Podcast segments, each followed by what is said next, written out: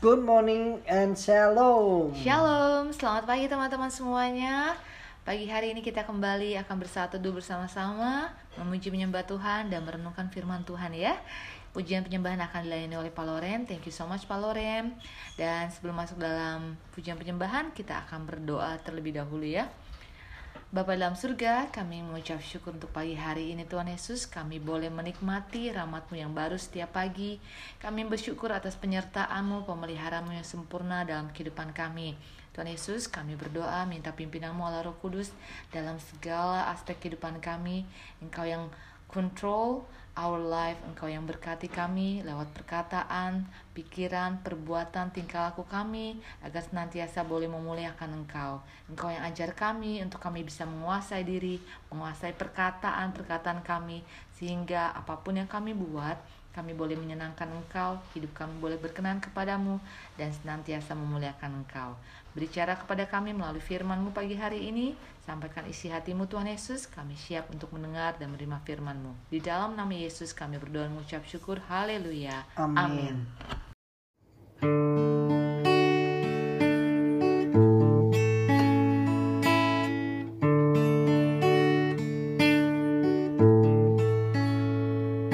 melewati lembah duka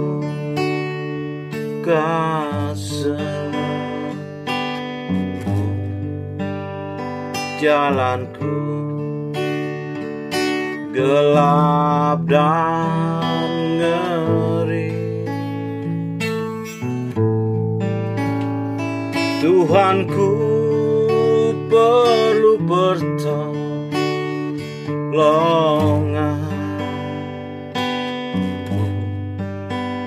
Sebab ku tak dapat jalan sendiri.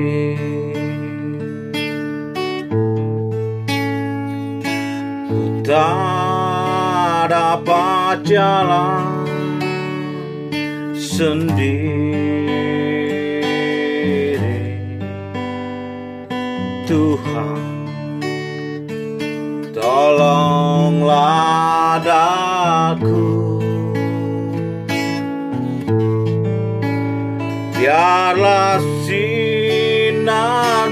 sinarmu menerangiku sebab ku tak dapat jalan sendiri. Tiada orang yang menolong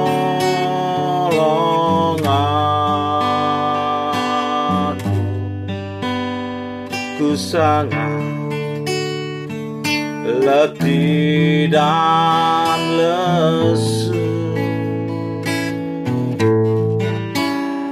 Jalanlah Tuhan dekat padaku Sebab ku tak dapat jalan sendiri tak dapat jalan sendiri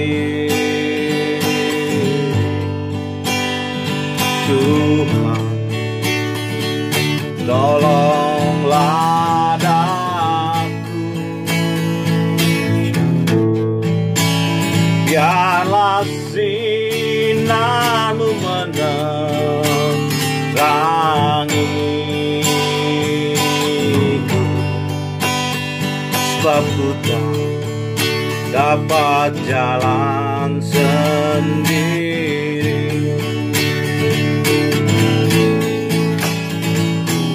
Tak dapat jalan sendiri. Tuhan tolonglah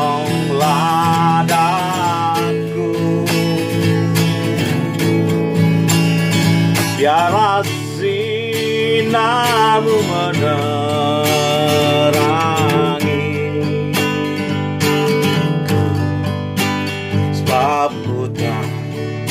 Dapat jalan sendiri.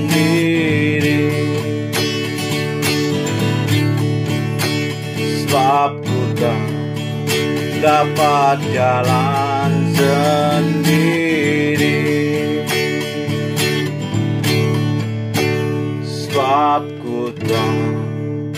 dapat jalan sendiri. Bacaan firman hari ini Yakobus 3 Dosa karena rida. Saudara-saudaraku Janganlah banyak orang di antara kamu mau menjadi guru. Sebab kita tahu bahwa sebagai guru kita akan dihakimi menurut ukuran yang lebih berat Sebab kita semua bersalah dalam banyak hal Barang siapa tidak bersalah dalam perkataannya Ia adalah orang sempurna yang dapat juga mengendalikan seluruh tubuhnya. Kita mengenakan kekang kepada mulut kuda, sehingga ia menurut kehendak kita. Dengan jalan demikian, kita dapat juga mengendalikan seluruh tubuhnya. Dan lihat saja kapal-kapal, walaupun amat besar dan digerakkan oleh angin keras, namun dapat dikendalikan oleh kemudi yang amat kecil menurut kehendak juru mudi.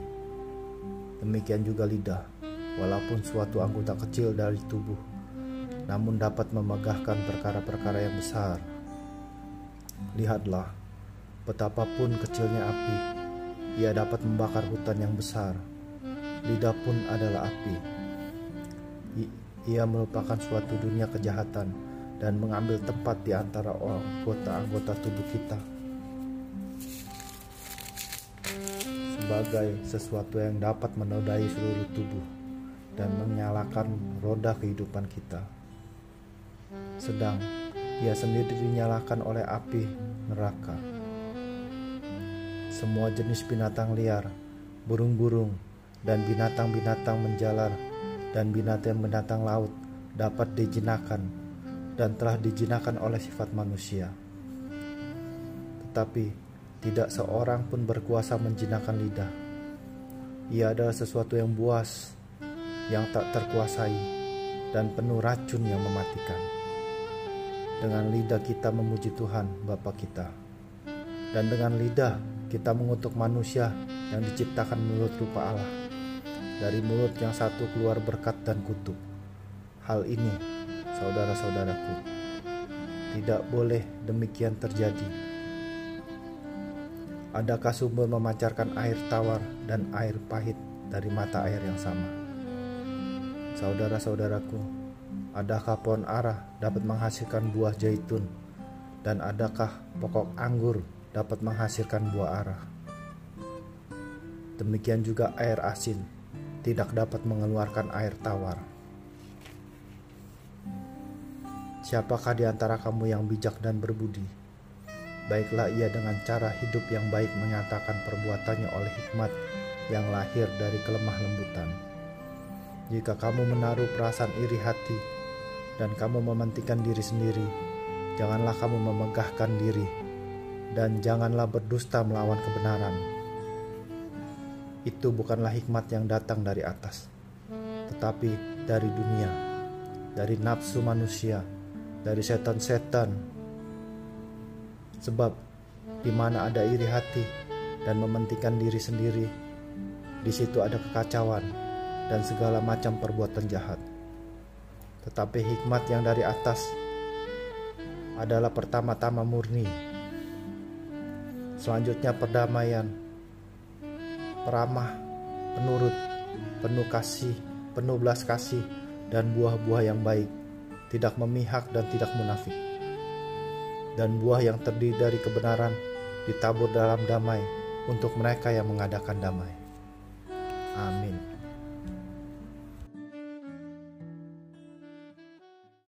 Shalom Haryanto. Shalom Haryanto. Thank you so much ya sudah bersedia melayani bersama-sama kami pagi hari ini untuk membaca Anda luar firman biasa. Tuhan di Yakobus 3. God bless you. Ayat favorit saya di Yakobus 3 ayatnya yang kedua. Indeed, we all make many mistakes. For if we could control our tongues, we would be perfect and could also control ourselves in every other way. Wow, controlling the tongue. Hari ini kita akan bahas bersama-sama ya bagaimana di Yakobus 3 ini ayat 2 sampai 12 kembali bicara mengenai kontrol lidah, yaitu jaga perkataan kita. Jadi teman-teman, apa yang kita perkatakan dan yang tidak kita perkatakan keduanya sama-sama penting. What we say and what we don't say both are important Fit. Yes. Bener ya? Betul. Nah, karena sering kali manusia itu terlalu cepat untuk berkata-kata dibandingkan menahan kata-kata. Hmm. Makanya di kayak Yakobus 1 kemarin ini kita kan sudah diingetin ya untuk quick to listen and slow to speak. Karena kenyataan yang dialami oleh manusia memang cenderung sulit untuk menjinakkan lidah. Contohnya, manusia itu lebih cepat berkata-kata, lebih cepat marah, suka gosip, suka bohong, suka komplain, dan lain-lain sebagainya ya. Oke, Yakobus mengibaratkan lidah seperti api di ayat 6. And among all the parts of the body, the tongue is a flame of fire. It is a whole world of wickedness, corrupting your entire body. It can set your whole life on fire, for it is set on fire by hell itself. Bayangkan ya teman-teman kalau ada nyala api kecil mungkin masih bisa dikendalikan. Namun ketika api mulai membesar dapat menyebabkan kebakaran dan kerusakan di mana-mana dan sulit dikendalikan atau dipadamkan. Ya, betul sekali. Nah, demikian juga dengan lidah disebut di pasal ini di satu sisi dipakai untuk memuji Tuhan, namun di sisi lain dipakai untuk mengutuk orang lain. Nah, jadi apa sih yang harus kita perbuat dengan lidah kita? Oke, yang pertama, sebelum bicara, ingat ya, lidah itu seperti api. Jadi kita perlu jaga perkataan yang keluar dari mulut kita supaya tidak merusak hubungan kita dengan orang-orang di sekitar kita. Our few words spoken in anger can destroy relationship that we built in many years. Jadi teman-teman, beberapa perkataan kita yang kita ucapkan ketika kita lagi marah, lagi emosi itu ya Fit ya, itu bisa merusak hubungan yang sudah kita bangun bertahun-tahun. Ya, betul Contoh sekali. hubungan dengan teman kita ketika kita ngomong sembarangan atau mungkin yang kata-kata yang bisa menyakitkan hatinya, wah bisa tersinggung loh Ya. bisa merusak hubungan. So teman-teman, we have to watch our words, oke? Kita harus perhatikan kata-kata yang keluar dari mulut kita. Oke, yang kedua, before we speak ya, sebelum kita bicara, we have to ask this question. Kita harus tanya beberapa pertanyaan ini. Is it true? Is it necessary? Is it kind? Apakah kata-kata yang kita ucapkan itu benar?